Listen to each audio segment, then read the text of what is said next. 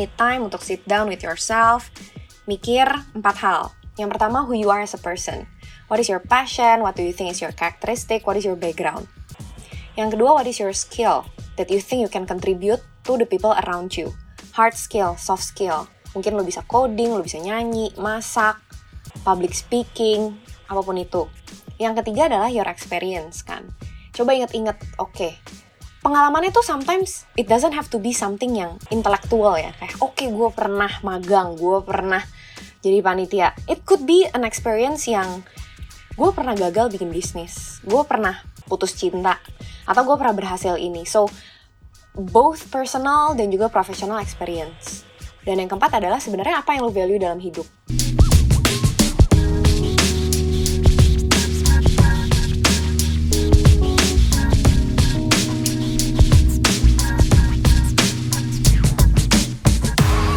Halo semuanya, balik lagi di Ngobis, Ngobrol Bisnis by Teman Startup. Uh, Baik lagi di sesi Ngobrol Bisnis kali ini. Kita sudah kedatangan uh, salah satu speaker Yang juga ini pertama kali gue sendiri ketemu Kak Hani Itu di kampus waktu gue lagi ospek. Terus Kak Hani banyak sharing lah di uh, satu ospek itu Dan dari dari saat itu gue kenal Kak Hani dan uh, Gue merasa memang sharingnya Kak Hani selalu insightful Dan menginspirasi apalagi waktu itu kan pas waktu magba ya kayaknya tuh waduh pengen banget nih kayak Kak Hani gitu kan kalau maba kayak gitu kak. Nah boleh gak sebelumnya mungkin uh, kalau gue uh, personally sudah kenal, boleh boleh nggak perkenalan diri ke teman-teman yang mungkin belum kenal sama Kak Hani namanya, terus latar belakangnya itu gimana sih kak? Oke, okay, boleh dong. First of all, hmm. thank you teman startup team udah invite gue untuk ngobrol-ngobrol hari ini. Salam mm -hmm. kenal buat semua apa? Lo manggilnya apa? Teman startup, startuper? Uh, uh, teman-teman founders. Cie, keren. Teman-teman founders. teman-teman founders. Teman-teman founders. Jadi nama hmm. gue Stephanie okay. Regina atau hmm. bisa dipanggil Hani aja. Bener hmm. yang kayak tadi Le udah bilang gue di hmm. Prasmul gitu ya, satu kampus hmm. sama Le, lulus tahun 2017. Hmm. Lalu gue langsung lanjut ke Unilever gitu. That's my first my and my last company. Ternyata gue empat tahun di sana. Habis itu Mei tahun ini Mei 2021 gue resign, gue decide untuk gue pengen full time building uh, my platform namanya adalah Haloka gitu, Oke. Okay. Oke okay, kak. Nah sebelum kita ngobrol lebih dalam nih terkait Haloka, terus uh, terkait semuanya deh. Sebenarnya kan hari ini kita juga uh, pengen ngobrolin banget terkait sama personal development nih. Mm -hmm. Nah, sebelum kita jauh ke sana, boleh nggak sih Kak cerita sedikit kayak Kak Hani tuh orang yang seperti apa sih di kampus? Kayak apakah aktif atau kupu-kupu gitu? Karena dulu dulu jujur kayak dulu waktu lagi IP sampai lagi ospek tuh waktu itu sampai kayak agak ngiri loadstarnya bukan Kak Hani gitu. Walaupun yang loadstar gue juga keren gitu. Saani. kayak nggak maksudnya kan ada ada anak kampus yang kayak oh gue harus panitia gue harus ini harus ono gitu mm -mm. tapi kan sekarang banyak banget teman-teman yang bingung gitu kayak gue harusnya tuh fokus atau panit atau gue tuh harus mulai bisnis gitu oke okay. nah gue pribadi I think I consider myself itu aktif ya di kampus hmm. gitu karena setelah sekarang kerja terus kayak oh ternyata gue dulu aktif ya considerednya dan memang kalau misalnya tadi kayak letanya gitu ya jadi uh, mm-hmm. harus fokus ke mana nih aktifnya gitu menurut gue semakin ke sini semakin gue kerja dan sekarang gue juga maksudnya udah mulai ngerekrut tim untuk Haloka gitu memang pendidikan maksudnya kayak angka IP lo berapa tuh penting karena that's basically telling apakah lo bertanggung jawab atas pekerjaan yang dipercayakan sama lo atau enggak. Karena kan sebenarnya waktu lo kuliah lo adalah full time seorang mahasiswa-mahasiswi gitu. Jadi kalau IPA lo bagus, ya I think I can say bahwa lo cukup bertanggung jawab, lo ngerjain tugas lo dengan baik, lo belajar waktunya belajar lo belajar gitu kan. Tapi lebih penting dari itu menurut gue kayak adalah bagaimana lo bisa berkomunikasi dalam tim.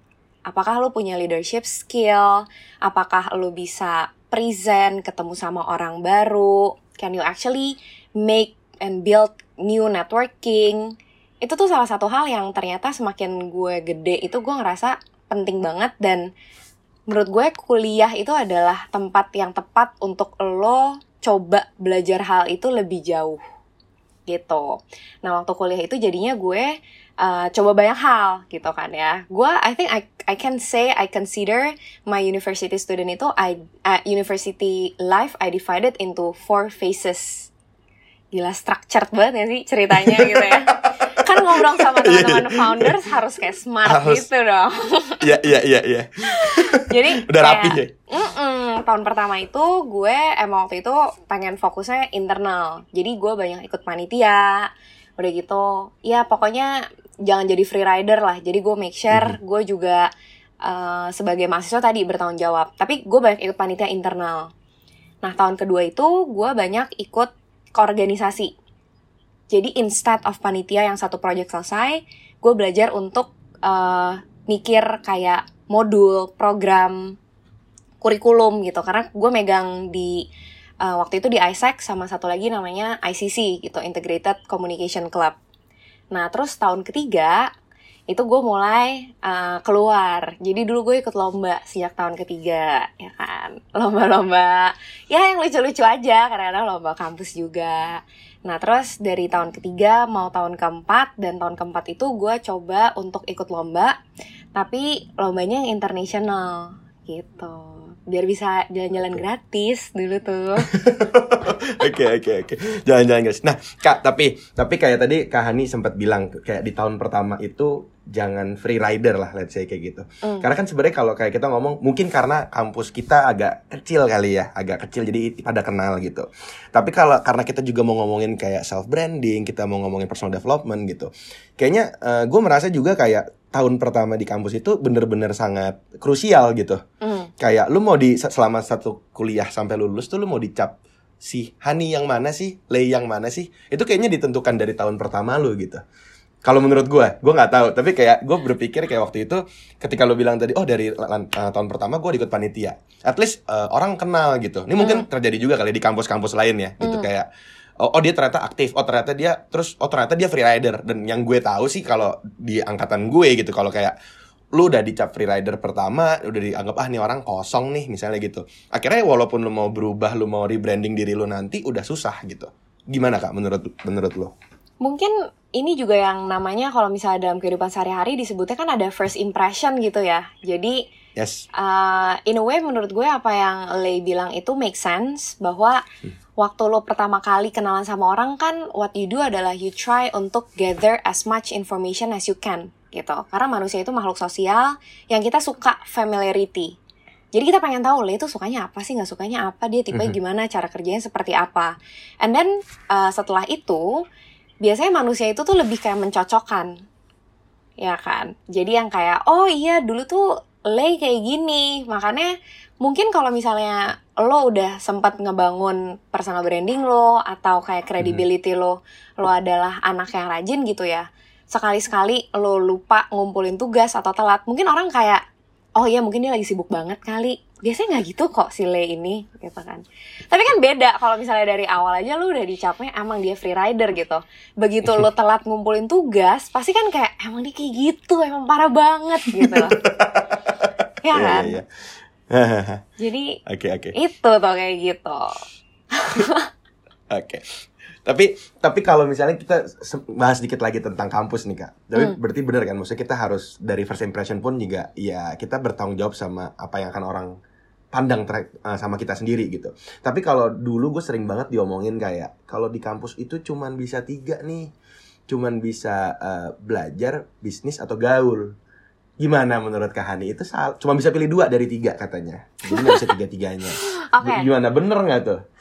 Ah, menurut gue enggak enggak Oke. karena lo tuh kuliah 4 tahun loh lo bisa ya benar ya maksudnya at one time Iya, iya. maybe you can only choose two gitu tapi you have four years anyway jadi lo bisa divide oke gue mau gaul dan Iya. bisnis semester nanti deh gue sekarang mau belajar dan gaul dulu misalnya kayak gitu oke. Mhm. btw Oke, Le oke. gue boleh share sedikit nggak jadi uh, Boleh, boleh.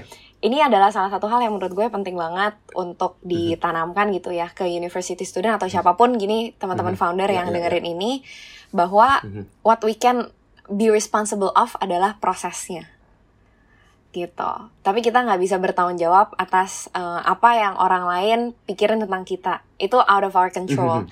nah tapi kita bisa Ya. punya bertanggung jawab proses kita berusaha untuk tadi menampilkan apa yang kita bisa, uh, berkontribusi yang positif kayak gitu. Jadi teman-teman kalau misalnya tadi gitu ya, emang first impression penting, but it's not everything gitu. Kita tahu banyak banget contoh di luar sana yang actually able untuk uh, berubah gitu self brandingnya, berubah personal developmentnya karena ya mereka juga berubah gitu. Jadi dalamnya berubah, hmm. pasti apa yang kita pancarkan juga berubah. Jadi take it easy juga in a sense. Jangan kayak aduh gila gue denger podcast ini udah tahun keempat, udahlah terlambat, udah no hope gitu. Gak gitu juga. Selalu okay, okay, ada okay. kesempatan untuk lo actually try something new and make it better lah gitu. So jadi yang bisa kita tanggung jawab ya proses yang kita lakukan lah. Kalau orang opini orang kita nggak bisa nggak bisa ganggu atau kita nggak bisa rubah gitu. Betul. Oke. Okay. Nah, tapi kita dari tadi aja udah ngobrolin banyak banget ya terkait personal development nih kak. Mm -hmm. Sebenarnya sebelum kita ngebahas halo kak, sebenarnya kak Hani ini emang punya interest di personal development kah sudah lama atau kak Hani memang sering uh, join dalam misalnya seminar atau apa gitu terkait personal development. Kenapa sih kak interested di sini atau dan latar belakangnya mungkin seperti apa? Oke, okay. jadi kalau misalnya personal development itu uh, menurut gue adalah satu hal yang sangat menarik karena kita namanya manusia kan kita pasti pengen berprogres ya. Kita pengen bergerak maju terus gitu loh. Cuma yang bikin gue akhirnya uh, men menjadikan personal development atau self awareness itu sebagai dasar dari banyak hal yang gue lakukan adalah karena gue melihat di luar sana itu teman-teman gue sendiri atau even gue sendiri gitu ya. Sometimes hmm. kita jadinya suka membandingkan our personal development dengan other people personal development Nah itu kan sebenarnya kan yang jadi toxic kan. Padahal setiap hmm, orang bener. punya waktu yang berbeda, punya proses dan pengalaman yang berbeda gitu. That's why di Haloka itu yang selalu kita sampaikan dan berangkat dari kepercayaan bahwa everyone itu can actually contribute positively kok ke orang-orang di sekitar hmm. lo gitu. Lo bisa berkontribusi positif karena kita yakin orang itu lahir di dunia bukan nggak sengaja lah nggak iseng lah hmm. lo tuh ada di sini gitu. Yeah, yeah. Cuma memang proses untuk pengembangan dirinya, proses untuk lo tahu apa yang bisa lo kontribusikan itu journey yang berbeda-beda dan itu butuh terus di develop gitu. Makanya personal development jadi satu hal yang sangat penting biar harapannya ke depannya kita bisa jadi manusia yang bermanfaat buat orang lain lah. Gitu, bukan cuma buat diri sendiri. Oke. Okay. Nah, berarti berarti latar belakang tadi yang membuat Kahani juga oke okay, akhirnya visi ini dituangkanlah dalam Haloka nih. Yang kalau kita hmm. tahu juga Kahani sekarang incar sebagai founder dari Haloka Talks dan juga Kahani ada satu lagi melipir kopi ya. Hmm. Oke. boleh gak kak dari tadi udah nyinggung Haloka Talks tapi uh, boleh nggak kasih tahu lagi teman-teman Haloka Talks itu apa sih gitu? Oke, okay, jadi teman-teman founders Haloka Talks itu adalah uh, e-learning platform, e-learning community platform bahkan yang kita fokusnya itu adalah untuk helping people untuk contribute positively to the people around them. Jadi kalau misalnya sekarang Haloka Haloka itu tuh kayak kita punya dua platform lah. Jadi ada yang namanya Haloka Talks sama ada yang baru lahir nih, Le. Adik kedua. Halo Karir. Exactly. Namanya Halo Karir. Nah, tapi yeah. uh, both of the platform tujuannya satu enables us untuk contribute positively. Cuma kalau di Haloka Talks itu memang kita mungkin lebih banyak ngobrolnya sama yang udah kerja atau misalnya entrepreneur gitu ya. Jadi mungkin umur 21 ke atas gitu. Nah, Halo Karir yang baru lahir ini itu kita banyak ngobrolnya sama university student untuk equipping and preparing them untuk get the right career journey for them. Kalau di Haloka lebih hmm, fokusnya okay. ke communication dan branding. Oke, okay, so jadi ada Haloka Self Development, Haloka Communication, sama Haloka Branding. Betul, betul. Itu ini dalam Haloka Talks ya betul. Oke. Okay. Nah, Kak, kalau kita ngomongin Haloka Haloka Talks nih di yes. Haloka, ini kan berarti ada nanti apa aku bilangnya? Tiga visi utama atau tiga value utama tadi self development, communication, branding? Tiga topik kali ya, tiga topik. Tiga topik yang utama. selalu kita bahas gitu. Oke. Okay. Nah, topik ini menurut aku uh, menurut diri aku gue, aku gue gak menurut apa. aku nggak apa ya menurut aku tuh kayak menurut menurut gue itu kayak penting sekali karena uh, ini kalau boleh sharing juga sedikit kayak uh -huh. mm, sejujurnya gue, tadi yang Kahani omongin gue gak eh, gue setuju banget karena yang tadi eh, lo bilang kak kayak orang selalu membandingkan dirinya dengan orang lain gitu. Hmm. As we know juga sekarang kan juga banyak sekali konten-konten yang ada tuh yang kayak so- contohnya contohnya misalnya kayak 25 tahun lo udah punya apa sih ini itu ini itu gitu. Mm-mm.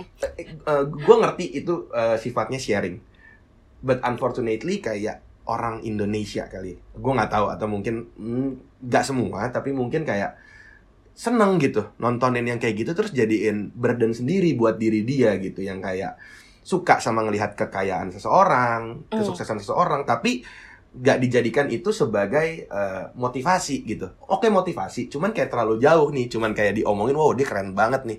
Dan akhirnya si content creator ini ya monetizing hal tersebut gitu. Dan menurut gua gua nggak gitu setuju atau bukan nggak gitu setuju sih kayak gua nggak suka ketika KPI-nya itu adalah kayak pencapaian gue yang lu juga harus kayak Ya. gini gitu. Yang dan dan satu lagi kayak gua nggak suka banget kalau kayak pembahasannya itu ujung-ujungnya kekayaan dan duit. Betul. Karena kalau kita kan prasmulian sejati nih Oh, iya. bikin kan prasmulian sejati. katanya kan kalau bikin bisnis kan harus ada value-nya 3P kan. Uh, Yo, Profit Planet gitu. Yo, gue tuh kayak suka gimana ya? Kayak gue tuh gue gak tau ya apa mungkin gue juga sudah- sudah terdok- terdoktrin gitu tapi nggak nggak juga dari kampus juga sih cuman maksud gue kayak gue nggak gitu serak gitu ketika ngomongin sesuatu yang selalu duit gitu that's why kayak gue selalu bilang sama uh, tim kayak kalau bisa konten gak usah yang berbau maksudnya bukan gak berbau duit sih let's say maksudnya kayak yang gue nggak suka ketika ada oh ada perbandingan kekayaan ada kayak uh, menunjukkan kekayaan duit terus kayak orang tuh jadi ada burden gitu kalau Hmm. menurut lu gimana kak Oke, gue bakal langsung saja gitu ya mengambil contoh dari my all time favorite author Simon Sinek gitu. Gue suka banget perumpamaan dia kayak gini. Jadi orang itu berbisnis sebenarnya kayak lo lagi mau pergi ke satu tempat yang tentunya lebih baik buat lo atau buat Ya. siapa pun yang lo bawa gitu kan ya. Mhm. Bisnis yang lo jalanin, perusahaan yang lo buat itu adalah kendaraannya, mobil yang lo pakai biar lo bisa pindah tempat dari tempat A ke tempat B. Ya kan? Tapi untuk lo menggerakkan mobilnya, lo butuh bensin. Nah, perbedaannya saat founder itu mengerti this kind of uh, analogy gitu ya. Yang tadi founder mengerti tentang people, planet, dan juga profit. Mereka mengerti bahwa gue tuh beli mobil bukan buat diisiin bensin gitu loh. Gue beli mobil biar gue bisa pindah dari tempat A ke tempat B. Tapi gue juga paham kalau untuk menggerakkan mobil itu, gue butuh duitnya, gue butuh bensin gitu loh. Waktu kita ngelihat dari kacamata ini, maka yang kayak tadi lo bilang, menurut gue tuh ada benernya juga bahwa duit itu penting tapi bukan segala-galanya. Mungkin sebagai founder kita akan bisa bilang bahwa kayak oke ini project nggak ada duitnya, tapi ini project serve our vision, we have to help them gitu loh. Mhm. Ya kan? Mungkin ada juga Mhm. beberapa project yang kayak oke ini project duitnya gede, tapi ini nggak sesuai sama value kita bro, nggak sesuai sama vision kita, Mhm. dan Mhm. gue harus turn off gitu, gue harus turn down kayak gitu. Mhm. That's how I see it gitu kali ya. Dan kalau misalnya tadi Mhm. balik lagi ke membanding-bandingkan, menurut gue itu bener-bener alasan kenapa Haloka ada sih. Karena Haloka ada, kita percaya lu bisa contribute in your own way. Semua orang itu punya role masing-masing. Gak semua orang terpanggil menjadi founder. But you can be a good employee yang juga helping company-company besar untuk create impact. It's okay. Gitu loh. Lu mungkin gak jadi employee, lu mungkin gak jadi uh, entrepreneur, lu mungkin ibu rumah tangga. But you can be a mother yang anak lo nanti jadi orang dengan penuh kebijaksanaan, bisa create impact gitu. Jadi kayak ya udah jalanin role masing-masing aja. Waktu ada orang yang bilang kayak, eh gila enak banget ya hidup lu kayak, eh sebentar, hidup lu juga enak loh. Mendingan kita cari tahu what can you do with your life gitu, because Ya. you are also born with some sort of purpose or role in this world. Kayak gitu sih. Kayak bayangin indahnya dunia ini ya. Kalau misalnya kesibukan kita adalah memaksimalkan role yang kita punya di dunia ini. Indah banget gak sih itu dunia? Iya. Iya kayak gak usah gak usah bandingin, gak usah ya pokoknya yang lo lo suka, yang memang lo jago di situ role lo ya lo lakukan aja gitu. Betul. Kalau misalnya banding-bandingin ya mungkin untuk ngecek lah ya kayak oke okay, gue harus lari lebih kencang nih atau oke okay, gue harus istirahat nih. But then balik lagi ada contentness dalam diri sendiri karena tahu emang gue dipanggil untuk hal yang berbeda and it's okay. Everyone can be successful in their own way sebenarnya gitu oke oke nah seru ya kak dari tadi. Teman-teman yang teman-teman yang dengerin. Seru nih. Seru, seru. Jadi kita juga gue sambil mengaca ke diri sendiri juga. Kayak apa yang harus gue perbaikin.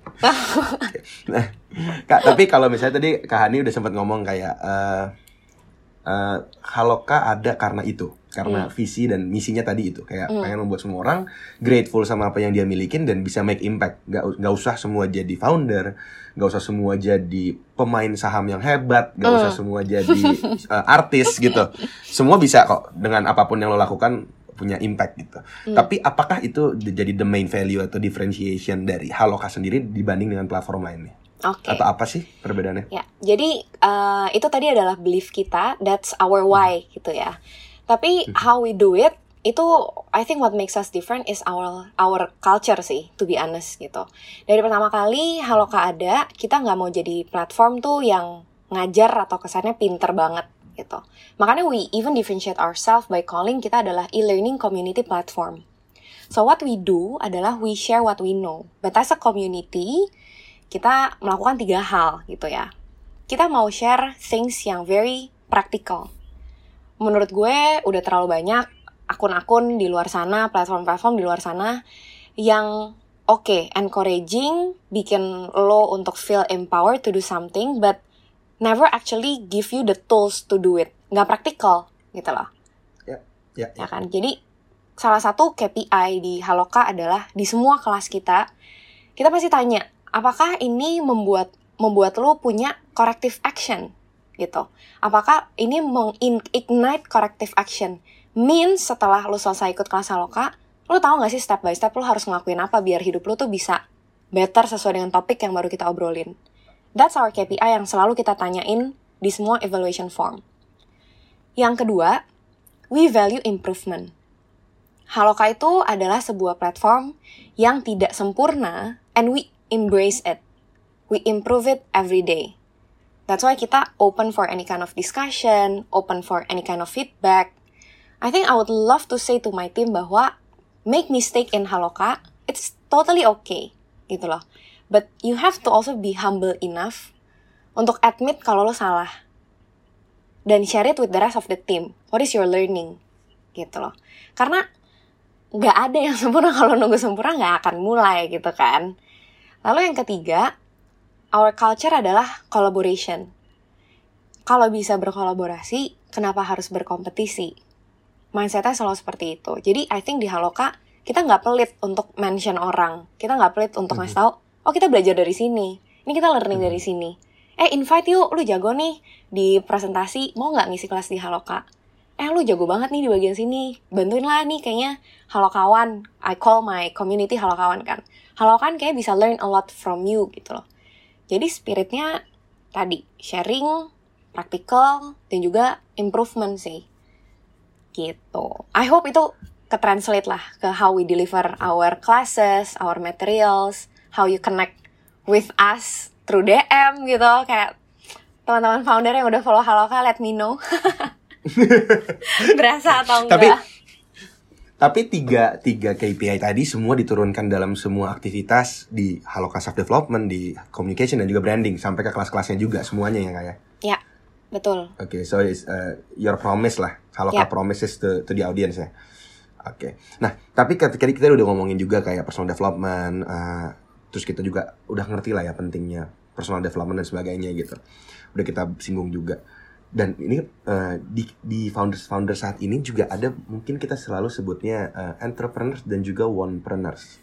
Oke. Okay. Yang belum jadi entrepreneurs tapi masih pengen aja mulai tapi belum mulai-mulai. Dan mungkin biasanya Oh, onepreneurs tuh kayak aspiring ya. Uh, Oke, okay, ya. siap. Kayak mereka masih pengen gitu tapi hmm. belum. Tapi hmm. dan biasanya mungkin teman-teman itu masih dalam oh kuliah semester 1, semester 2 gitu. Hmm. Atau mungkin udah semester akhir tapi bingung dan ini juga waktu hmm. itu terjadi sih waktu gue baru mau lulus. Kayak gue bingung nih. Uh, abis gue gue tuh gue ngerasa kayak tadi bener kata lu kayak gue udah di semester akhir gue baru sadar kayak gue bukan yang IP-nya 3, mau 4 gue juga gak aktif-aktif banget. Yang kayak ya kenal tahu anak-anak tahu. Dibilang bobrok juga nggak bobrok lah. Orang masih mau sekelompok lah. Tapi yang udah udah terakhir tapi kak ya. Kayak udah tinggal dua udah kalau eh, eh, ya tinggal empat tuh ya. Ya ini kayak yang yang satu ternyata sering absen. Nah ini tiga ini jelek banget. Nah ini gue okay, gitu Gak, gak. Maksudnya di tengah lah gitu biasa aja, tapi juga nggak ada tuh impact yang kayak gue ikut lomba atau ini ya. itu tuh nggak ada gitu. Mm. Dan akhirnya ketika mau lulus nih akhirnya jadi pertanyaan baru kan kayak, aduh gila udah lewat empat tahun gue mau ngapain ya mm. padahal sudah sudah sudah lewat nih masa kuliah padahal kalau mungkin teman-teman sekarang ada yang baru mau kuliah tadi dengerin kata Kahani kalau ada empat stage tadi tuh kalau mau ngikutin ya itu itu itu bener banget tuh tapi kan banyak yang sudah lewat nih gimana ya kak ya Oh. Apa yang harus dilakukan pertama practical ways-nya kayak to find myself gitu atau to, to find ourselves gitu. Oke. Okay. Jadi untuk mencari tahu tentang diri sendiri gitu ya. Uh, I mm -hmm. think memang kalau lu apa yang lo lakuin le btw lu kan sekarang udah jadi founder juga nih kan keren what did you do back okay. then gue uh, gue waktu itu jujur ya gue tuh kayak bener-bener se sebingung itu kak. Kayak soalnya gue bukan gue bukan orang yang kayak oh gue gue suka baca buku gitu. Gue gue jujur kayak gue suka baca tapi gue gak suka baca buku. Gue juga kayaknya hmm. biasa aja gitu. Tapi jujur yang gue lakukan waktu itu gue sempet sampai ketemuin orang. Kayak gue ngerasa kayak gue harus dengar dari orang apa sih yang orang lagi mm. jalanin atau ya bukan langsung curhat ya tapi maksudnya kayak gue ketemuin orang aja gitu. Ini sebelum covid soalnya kan kita ketemu orang terus yang gue lakukan sebenarnya waktu itu sih gue gue mendekatkan diri sama yang di atas gitu. Mm, gue mendekatkan diri. Gue mm. mendekatkan diri dan uh, kayak gue percaya akhirnya jalan itu kayak tiba-tiba ada aja. Tapi tapi penjelasan gue tadi nggak kurang praktikal ya. Praktikal praktikal praktikal. Ya. Mantap tapi kayak mantap. ya itu karena kan God works in mysterious way ya. Dan oh. gue mengiyakan itu gitu kayak akhirnya gue bener-bener kalau gue ya kak gue kayak bener-bener ketemu orang terus gue akhirnya gue menyerahkan sama yang di atas gitu mm. akhirnya kayak gue nggak tahu kayak tiba-tiba uh, ada aja jalannya gitu mm. dan jalan itu bener-bener praktikal gitu dari Tuhan kayak ya udah lu harus ke sini gitu mm, oke okay. itu yang gue itu yang gue alamin kalau gue Oke, okay. it's interesting hmm. sih karena memang uh, mungkin the practical stepnya gitu ya yang hmm. bisa dilakukan adalah don't stay where you are. karena kalau misalnya, karena basically kan berarti kan lo udah tahu bahwa oke okay, uh, identify where you are now kan. It's important yeah. untuk tahu bahwa oke okay, sekarang gue dengan kondisi gue seperti ini, gue lulus dengan IP gue mm -hmm. kayak gini, pengalaman gue seperti ini, gitu kan. Mm. And then uh, mm -hmm. try to imagine sebenarnya what kind of person that you would like to be gitu. Kayak mm. lo mau bayangin diri lo tuh sebagai apa? Atau kalau misalnya lo nggak kebayang, aduh kak jangan nyuruh gue nggak bayang bayangin dah, nggak bisa gitu ya. Lo inget-inget aja lo you try to reflect on your own gitu ya. Kayak who's your role model? Siapa yang lo lihat tuh kayak ih gila enaknya kayak hidup kayak dia gitu. Eh kayaknya keren deh dia gitu. Could be mhm. your father could be your friend ada bos lo teman kerja lo dan lain sebagainya kayak gitu. And then the next step adalah identify sebenarnya apa yang lo butuhin buat lo sampai di sana gitu. Ya kan? Tapi memang mhm. itu step pertamanya untuk tahu lo sekarang ada di mana itu butuh lo duduk sama diri lo sendiri gitu loh. Lo butuh untuk lo kayak ngobrol sama diri sendiri oke okay, sebenarnya gue sukanya apa? Ya kan? What is what is one thing yang mungkin gue uh, selama gue kuliah itu gue nggak pernah notice gitu ya. Karena sometimes tuh it's always been there the signs are there tapi kita nggak pernah punya waktu untuk reflect aja gitu loh. Untuk oke okay, bentar gue butuh inget apa yang gue suka apa yang gue nggak suka. Pengalaman mana yang I treasure pengalaman mana yang teach me gitu loh jadi you need time untuk sit down with yourself, mikir empat hal. Yang pertama, who you are as a person. What is your passion? What do you think is your characteristic? What is your background? Yang kedua, what is your skill that you think you can contribute to the people around you? Hard skill, soft skill. Mungkin lo bisa coding, lo bisa nyanyi, masak, public speaking, apa pun itu. Yang ketiga adalah your experience kan. Coba inget-inget, oke, okay, pengalamannya tuh sometimes it doesn't have to be something yang intelektual ya. Kayak oke okay, gue pernah magang gue pernah jadi panitia. It could be an experience yang gue pernah solo travel ke mana mm-hmm. gitu loh. Atau misalnya gue pernah gagal bikin bisnis gue pernah putus cinta gitu loh. Gue pernah kehilangan orang yang gue sayang atau gue pernah berhasil ini. So both personal dan juga professional experience. Dan yang keempat adalah sebenarnya apa yang lo value dalam hidup gitu mungkin maksudnya kayak gue baru pertama kali ya Le, kita baru pertama kali ngobrol. Tapi maksudnya kayak semua orang tuh punya satu hal yang dia value dalam hidupnya. For some people what they value the most adalah keluarga gitu. Family man gitu. Jadi ini ada mungkin yang orang-orang yang gue nggak apa-apa karir gue naiknya nggak secepat orang lain tapi gue jam 7 gue bisa di rumah gue ketemu anak gue gue ketemu istri gue misalnya gitu ya. Ini umuran gue banget sih kayaknya nggak nyambung deh sama audiens tuh gitu. Tapi Kalau gue masih ini, kalau gue masih pengen kaya dulu. masih kayak dulu. Benar for some people kayak misalnya it's career gitu kan kayak Mhm. kenapa career? Dan gue punya satu quote yang menarik banget uh, kemarin waktu di Halo Karir Fest gitu ya. Ya. one of the speaker itu adalah Ibu Veronica Utami. Shout out Ibu Ut if you listen to this gitu.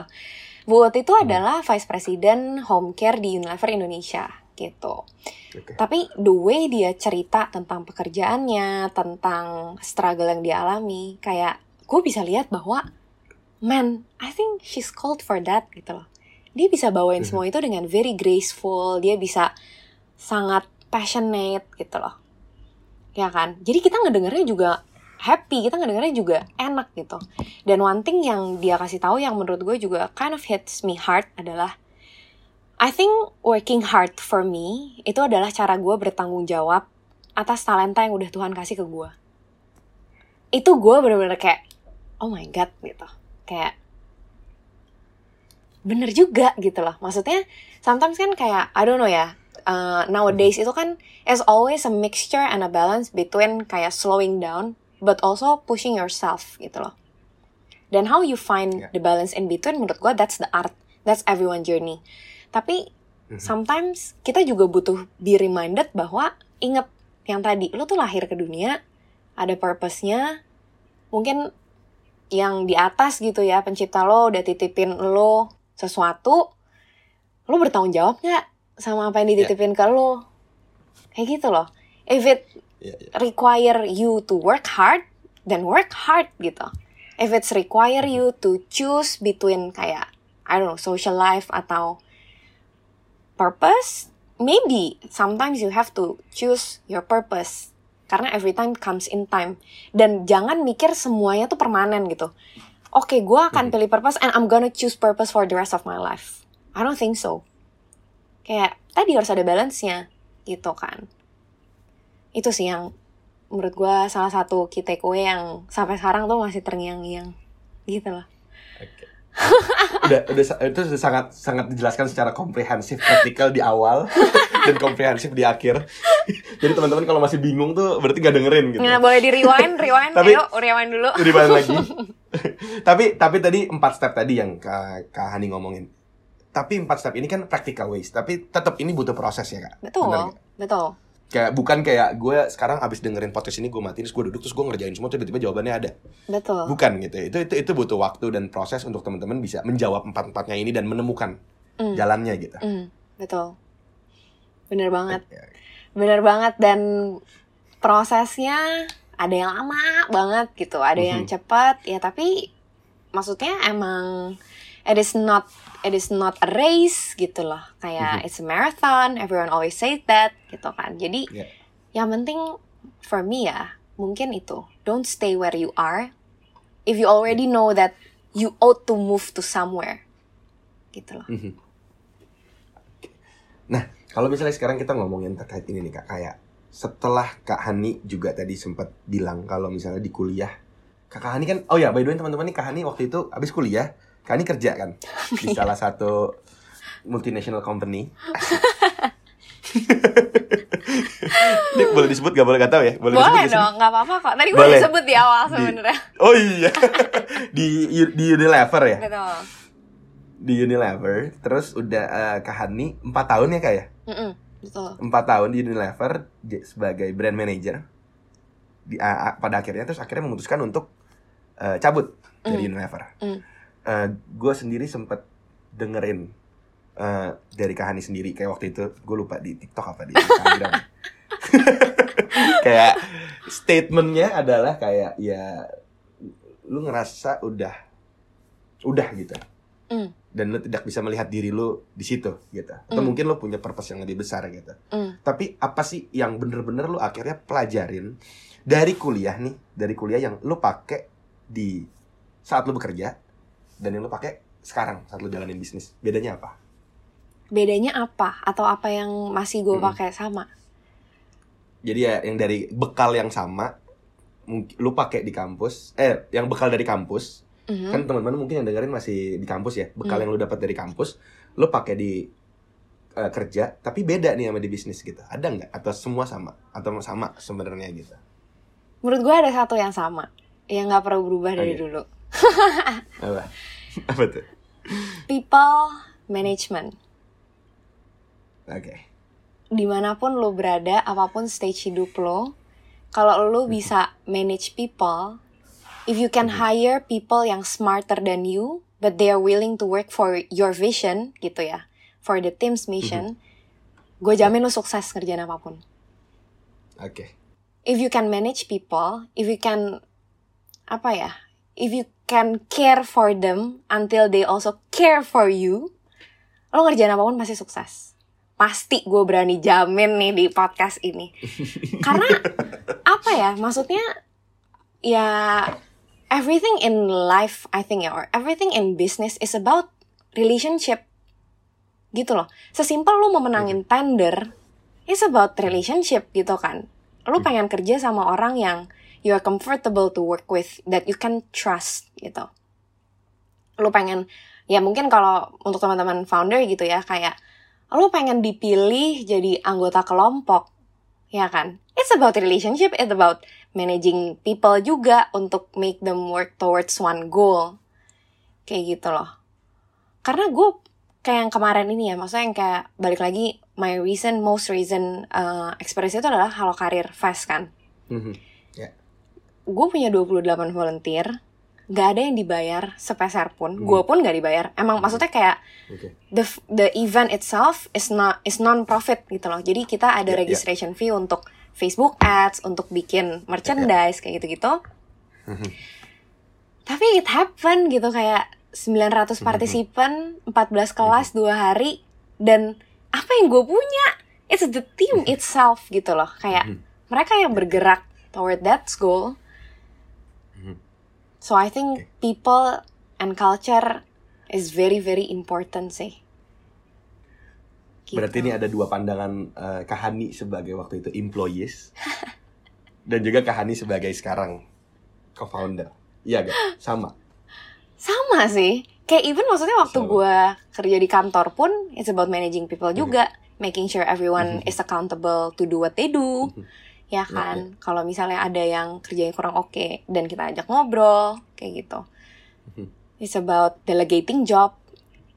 Kayak kayak susah sih. Sebagai makhluk sosial susah sih kalau nggak nggak berinteraksi dengan orang lain ya. Iya. dan maksudnya Pada kayak akhirnya kita makhluk sosial juga gitu. betul. Tapi gue penasaran juga deh. Misalnya kayak apa ya? Misal faktor lain. Oke duit penting gitu kan. Tapi Mhm. Kayak kalau lu punya duit tapi lu nggak punya tim yang bisa ngejalanin pekerjaannya dengan bener abis bro duitnya itu duit nggak efektif dibawa kabur malah mungkin bisa sama tim lo kan Iya iya. gitu Kalau kalau kalau saya gue sebenarnya setuju sih kak. Kalau gue boleh nambahin sedikit ya. boleh Gue dong nambahin sedikit kayak gue juga gue juga eh, jalanin ini awalnya gue berdua sama eh, partner gue. Terus kayak eh, ya tau lah kalau kita mulai berapa sih gitu. Maksudnya Hmm, itu bukan kayak emang udah oh dapat dana nih dari mana? Enggak gitu. Kayak kita start sendiri dan orang pertama gitu yang masuk kayak ya itu tadi kayak gue bahkan bahkan kayak gue setuju dan gue ngerasa kayak ya waktu itu tuh gue jual mimpi gitu. Gue gue tuh bullshit gitu. Iya kayak ya setengah setengah bukan bukan bullshit sih tapi kayak apa ya kayak ya gue punya visi nih gue punya visi kayak gini teman teman sarap Hmm. pengen gini gini gini gini gini. Hmm, ya lu mau percaya lu mau lu mau join the team nggak? Mau masuk nggak dalam kapal Hmm. kita? Tapi ya lu gue nggak gue nggak bisa menjanjikan kapal ini tidak tenggelam gitu. Benar. Tapi gue ngerasa ket- ketika ngedayungnya bareng nih kayak lu juga percaya itu enak ngedayungnya. Benar. Dibanding kayak gue cuman bayar lu untuk ngedayung gitu. Benar. ya kayak sampai sekarang gue juga sekarang tim kita ada ada ada banyak lah ya gitu Uh, nggak nggak banyak maksudnya udah berkembang tapi ya itu sih yang paling penting kak kayak gue gua mungkin karena masih kecil ya kita kita bukan big companies yang oh udah ada HRD udah ada KPI semua kayak yang paling penting di gue kayak tadi benar kayak communicating skillnya kayak gimana hubungannya dan yang kedua lo harus bisa nyampe apa yang gue pengenin Ya. itu sama sama lo gitu loh Hmm. Ya karena kan kalau kita ngomongin duit ya nggak mungkin se- sekelas kalau misalnya lo kerja di tempat lain kan gitu maksudnya Mm-mm. di eh, di big companies gitu ya memang lo harus harus ada kesamaan values tadi dan mimpi tadi gitu Betul. jadi gue sangat setuju gitu Betul. Tapi mungkin ini juga kayak menarik ya. Mungkin one day, Mhm. seven, eight years from now kita dengerin podcast kita ini sendiri, and then kita kayak ngecek kali ya, is there anything changes gitu. Iya iya iya iya. Tapi kalau Tapi mungkin mungkin mungkin nanti akan berubah kan? mungkin, very Mungkin, very mungkin. likely, maksudnya dan gak apa-apa Iya, kan iya, emang orang berubah. Tapi Mhm. for now gitu, this is what I believe sih bahwa Mhm. people and culture itu tuh it can it it it can make almost everything work. I think ya. Ya setuju. Iya. Tapi kak, kalau ka- tapi kak, kalau kalau seumpama misalnya kayak ada orang yang kayak sekarang mungkin mendengarkan dan dia sedang dalam tahap tadi nih, terus udah udah tahu tadi step-step yang harus uh, Hmm. they find themselves gitu. Hmm. Tapi eh, apa sih yang harus dia pertimbangin untuk kayak gue mau kerja ya gue ya semua orang butuh duit ya butuh kerja atau mau usaha gitu. Sebenarnya gimana eh, untuk memilih karir path ini ada nggak sih spesifik hal yang oh tadi udah dijelasin tapi mungkin ini spesifik nih yang bisa eh, Kahani bagiin dari sisi yang Kahani pernah waktu itu kerja di multinational di Unilever sama sekarang jadi founder. Kalau gue ya gue gue nggak pernah kerja. Jadi gue mungkin selalu kayak ya kayak jadi bisnis aja kalau bisa. Gitu doang gitu. Nggak ada perbandingannya gitu. Ya, oke. Eh, apa ya? Gue sebenarnya tipe orangnya cukup realistis sih, Le, gitu Mhm. maksudnya. Mhm. Jadi yang kayak tadi eh, sama kayak ilustrasi mau naik Mhm. mobil gitu. For me Mhm. untuk even beli mobilnya itu kan butuh duit Mhm. juga gitu loh. ya ya ya Jadi tergantung sebenarnya uh, your privilege juga in a sense gitu ya, your background. That's why Yeah. one of the thing Mhm. that you need Yes. to understand about yourself adalah what is your background. Mm. Karena I cannot speak for everyone bahwa everyone financial situation itu the same or apa pun. Mhm. But menurut gue mimpi itu butuh dimodalin satu, dan yang kedua mimpi itu oh sorry mimpi itu butuh dimodalin. Modal itu bisa dua, ya modal dengkul atau modal duit. Kalau misalnya lu belum bisa merasa lu hidup bisa hidup dari mimpi lu, dan it's okay take it slow. Lu ambil kerja kantoran dulu, sambil lu mungkin ngebangun mimpi lu over the weekend. Itu dengkul, Ya. capek kan? Mhm. Tapi nggak apa-apa gitu. Maksudnya you know it is for a bigger purpose gitu. Kalau misalnya memang mimpi lu ternyata udah ada modal ya mungkin bisa langsung gitu. Makanya gue bilang very uh, case by case. Tapi gue cukup realistis mimpi butuh dimodalin. Lo yang tahu modal lo sendiri apa. Kalau lo nggak bisa langsung modalin monetary then what you have is your time and energy. Dan use it gitu ya pahamin diri di- di- pahamin diri lu sendiri dulu gitu. Iya Karena mungkin pemahaman kalau tadi diri ya, benar benar. Benar kayak kalau Kahani tadi sangat halus ya kalau kalau gue mungkin kayak ya ya ini jujur aja kayak ini sorry tapi kayak gak semua orang bisa gitu. Maksudnya ya sekarang sorry misalnya kayak lu lagi dalam tahap mungkin eh, eh, urgent gitu keuangan. Ya ya kita nggak bisa dong teman berpikir kayak oh gue pengen ini pengen itu. Ya kita lebih fokus sama apa yang ada di depan mata gitu ya misalnya Betul. kerja gitu tapi gue setuju juga kan hidup itu nggak kayak abis lu milih ya udah terus sampai mati kayak gitu kan enggak gitu. Betul. Kayak tadi eh, Kahani bilang gitu kayak ya lu bisa kerja di weekend, lu bisa kerjain ini kok ya ya mimpi itu ada tapi kan ya memang ada timelinenya. Dan balik lagi percaya kayak ketika memang lu eh, mimpi itu ada dan value-nya ada, lu bisa eh, hidupin purpose lu ya lu jalanin nanti ada jalannya gitu. amin aminin dulu yang bagus-bagus harus Aminin dulu. diaminin Jadi gak gak kayak abis gue udah jadi pebisnis gue gak bisa kerja di tempat lain kan ya nggak juga Betul, gitu. Bisa betul, bisa aja betul. gitu. don't don't make a chapter of your life your in- Hmm. entire story gitu sometimes you Mhm, have to oke. take a look at your life itu kayak oke ini chapter ini chapter kemarin gue kuliah chapter ini gue kerja chapter ini gue entrepreneurship chapter depan gue bisa balik kerja lagi gue bisa entrepreneurship atau gue bisa jadi full time mom Mhm. Gak ada yang tahu bro dan it's okay Iya, it's iya, iya, iya. it's a part Iya, iya. of your life story gitu loh Walaupun di salah satu chapter itu ada yang buruk ya, yang nggak semuanya manis gitu. Betul. Tapi bosen gak sih lo kalau misalnya lo kayak denger cerita gitu ya, kayak lo nonton di bioskop dulu cerita Marvel, terus kayak udah ceritanya dari page 1 sampai page 100 dari menit pertama sampai menit ke-60 intinya uh, Tony Stark menang gitu kan kayak Tony Stark menang ini menang ini kayak apa serunya sih nih cerita di hidup Iya, iya. ini? Gitu kan. Bener bener bener. It's okay lah. Mungkin memang nggak nggak mudah untuk menghadapi eh, hal buruk itu gitu. Cuman tadi jadikanlah itu chapter dan pembelajaran kali ya. Betul. Ya kayak nggak- kalau memang lagi dipecat atau dirumahin atau mungkin putus atau mungkin bisnisnya bangkrut, Betul. ditinggal pacar atau nggak jadi kawin, it's okay ya. Betul. Malah itu bisa jadi your story nanti. Once you get it through, you share it with people, you can help people untuk get through what you had gitu loh. Oke. Nah, Kak, ini selanjutnya tuh sebenarnya pertanyaan itu kayak apa sih tips and trick memaksimalkan personal development tapi kayaknya kurang seru nih. Gimana kalau pertanyaan? kan tadi juga udah banyak tips and trick. Eh, udah banyak tips tadi kan and udah banyak. Nah, mendingan pertanyaan di gini kayak Kahani setelah lulu eh setelah keluar dari Unilever dan sekarang eh, jalanin Haloka. Dan kalau kita tarik waktu zaman kuliah, ada nggak sih hal yang Kahani mungkin nggak sesalin, tapi kayak aduh kayaknya gue harusnya waktu kuliah tuh ini deh supaya gue sekarang begini. Mungkin kayak ada yang kurang nih waktu itu pas kuliah. Jadi mungkin teman-teman sekarang ada yang udah menjalankan menjalankan semua yang Kahani jalanin, nah jangan sampai sama kayak Kahani yang kurang misalnya. Kalau menurut Kahani, apa sih yang kurang? Gua Kalau mungkin dari gua, dari gua kali. Dari Dari lo, gua. sangat, gua sangat. gua tuh dulu malas banget kayak panitia kak. Kayak gue cuman panitia tuh waktu ospek angkatan bawah dua kali. Udah itu doang. That's all panitia gua. Gua jadi eh, salah satu anggota apa panitia IP gitu-gitu deh. Cuman itu cuma dua kali dan selebihnya gua nggak nggak pernah ada panitia lain. Yang paling gua mungkin bukan sesalin kali kayak gua kalau gua ulang gua akan mau gitu. Gua tuh gampang banget sekarang untuk mengkontak kakak kelas yang memang dulu waktu itu sama-sama panitia sama gua. Benar. walaupun lu gini walaupun kayak lu tahu namanya lu sapa-sapaan gitu kayak di luar mungkin ketemu di kantin gitu. Tapi ketika lu udah satu panitia lu ada hubungan. Jadi kayak gua akan gua akan segampang bukan segampang ya kayak gua akan lebih mudah ketika gua angkat telepon atau chat dia ketika gua pernah jadi panitia nah sekarang kayak misalnya kayak gua sama Kahani gua gua nggak pernah nih ketemu Kahani di panitia gitu. Ya kayaknya ak- akhirnya gua harus nge DM kayak ya harus ya maksudnya harus ya formal lah gitu orang nggak pernah ngomong misalnya tiba-tiba halo kak ayo ngobrol ya mungkin gitu kayak gue gue akhirnya harus nge DM dan dan menurut gue kayak itu satu satu hal yang kalau misalnya dulu diulang mungkin gue akan lebih aktif supaya gue bisa kenal lebih banyak orang networking gitu. Itu kalau gue Oke.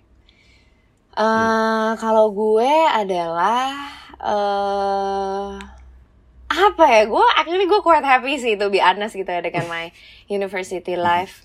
Tapi eh, if there's one thing adalah gue akan coba untuk punya external eh, networking yang lebih luas gitu. Karena kan tadi gue sebenarnya lomba lomba itu sangat membantu tapi mungkin kayak joining organizations yang lo bisa ketemu lebih banyak orang itu itu lebih powerful sih to be honest ya gitu. Jadi jangan cuma bernetwork ke dalam satu kampus lo tapi coba untuk network ke luar kampus lo. Karena the moment gue merasa gue sangat sangat kecil itu adalah actually waktu pertama kali gue ikut lomba yang international gue yang pertama yang ke Poland.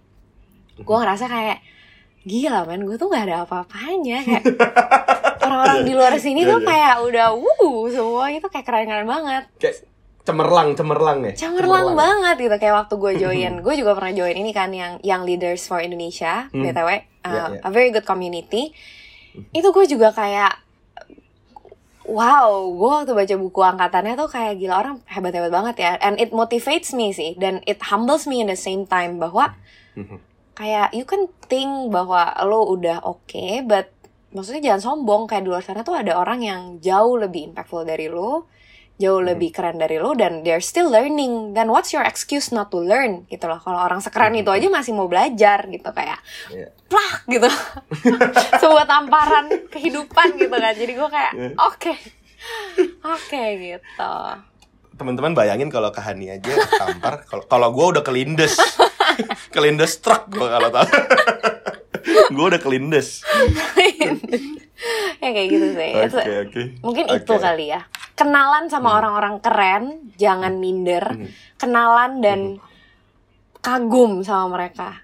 Dan jangan takut buat tanya kayak gimana sih caranya lu bisa keren kayak gitu, Bro? Hmm. Kayak ajarin gua, gua gabut ajarin gitu.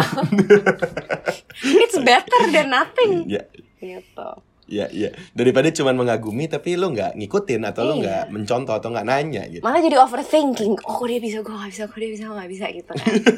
Udah mendingan tanya aja udah. Insecure kata ya sekarang bahasa gaulnya kan Insecure. semua pakai insecure. Betul. Oke. Nah, Kak Hani, thank you nih udah udah kita udah ngomongin banyak banget dari tadi. Hmm. Terus kalau misalnya kita ngomong berarti kan kita expect kayak teman-teman udah ngebayang lah apa yang akan ada sih. Kayak tadi Kak Hani juga udah ngomongin ada Halo Halo Karir Fest. Hmm. Apa tadi Halo Karir Fest kan? Betul, yang baru kejadian Halo, Halo Kak. Fest. Kemarin itu banyak juga eh, gue gue sebenarnya nggak ikut sih, cuman gue tahu sedikit kayak ada kelas dari Volkatif ya, karena karena ada beberapa kelas lain gitu. Eh apalagi sih yang bisa kita expect dari Halo Talks? Setelah mungkin dengerin ini terus kayaknya oh gue merasa inspired dan gue pengen eh, start my own eh, personal development journey gitu. Hmm. Bisa gak sih kita expect apa sih dari dari Halo? Oke. Jadi eh, karena gue juga sekarang baru punya kesempatan untuk full time di Haloka dan pouring all of my thoughts, energy, effort ke dalam sini gitu ya. Definitely you can expect eh, Haloka Talks eh, punya program yang lebih baik, yang lebih praktikal, yang benar-benar bisa bantu lo di whatever life stage that you are. Maksudnya specifically waktu lo employee dan juga waktu lo university student sih. Mungkin sekarang dua itu gitu ya. Tapi coming soon hopefully kita juga bisa bantu teman-teman brand untuk bringing even bigger impact gitu karena kita tahu banget banyak brand yang punya purpose yang bagus yang kalau brandnya berkembang maka makin banyak orang yang bisa ditolong Uh, so expect more practical programs and then expect more job opening. Cie, rekrutmen. Ayo yuk yuk di follow dulu yuk. Nanti kalau biar ada rekrutmen, kamu bisa langsung Iya, boleh tuh berinfo. ya. Langsung kirim CV langsung. iya. Sama yang ketiga adalah expect uh, tighter gitu ya. Jadi community yang lebih akrab, yang bisa hopefully lebih merangkul. Those are the three things that you can expect. Ah, Oke. Nah, buat teman-teman yang dengerin, mungkin kalau masih pengen tahu kayak eh, Halo Cat Talks tuh apa aja programnya tuh gimana, ada event apa aja, itu bisa dicek di mana sih Kak Hani? mancing obvious banget ya mancingnya gue Bridgingnya nih gimana nih? bridgingnya apa-apa, nggak kurang kurang halus ya kurang halus ya Semuanya Aduh. bisa dicari di @halokatox. Uh, dan juga kalau kamu mungkin masih university student gitu ya, bisa juga follow Mhm. at halokarir. Jadi halokatox, halokarir. Doain kita lagi mau bikin uh, website gitu untuk platform yang bisa merangkul semuanya. Jadi kalian bisa langsung akses websitenya. Gitu dan di sana kalau misalnya ada yang mau ditanya-tanya terkait misalnya pengen tahu nih podcast ini terus pengen tanya tentang dirinya sendiri itu boleh nggak sih kak? Boleh, tapi mungkin tanya ke saya aja ya. Ke at halohani kalau yang itu. Iya di di Halo Hani ya Di berarti. Halo Hani, Kalau di Halo Kak nggak bisa. Bisa sebenarnya, tapi takutnya nanti kayak uh, Minka Minka kita panggilnya Minka kan, Mimin Haloka gitu Eh, kayak Minka. belum dengerin podcast ini nanti jadi kayak eh, gimana di detik keberapa gitu, menit keberapa roaming. Jadi bikin ke saya aja Oke, kalau oke. itu. Oke oke oke boleh boleh. Oke Kak Hani thank you banget atas waktunya. Thank you kita eh, mengucapkan banyak terima kasih mau bergabung dan juga sukses terus untuk Halo Talks, untuk Halo Karir dan juga melipir kopi. Amin. Terima kasih. Lengkap loh doainnya. Semoga kesempatan berikut di- ada kesempatan lain untuk kita bisa berkolaborasi bersama di ke depan di kemudian hari. Amin. Pasti dong. Le, senggol-senggol ya kalau ada kesempatan kolaborasi. Thank you teman-teman, Oke. founders yang juga Oke. sudah mendengarkan. Oke teman-teman, thank you ya. Kita ketemu lagi mungkin di episode selanjutnya. Bye bye. Bye bye.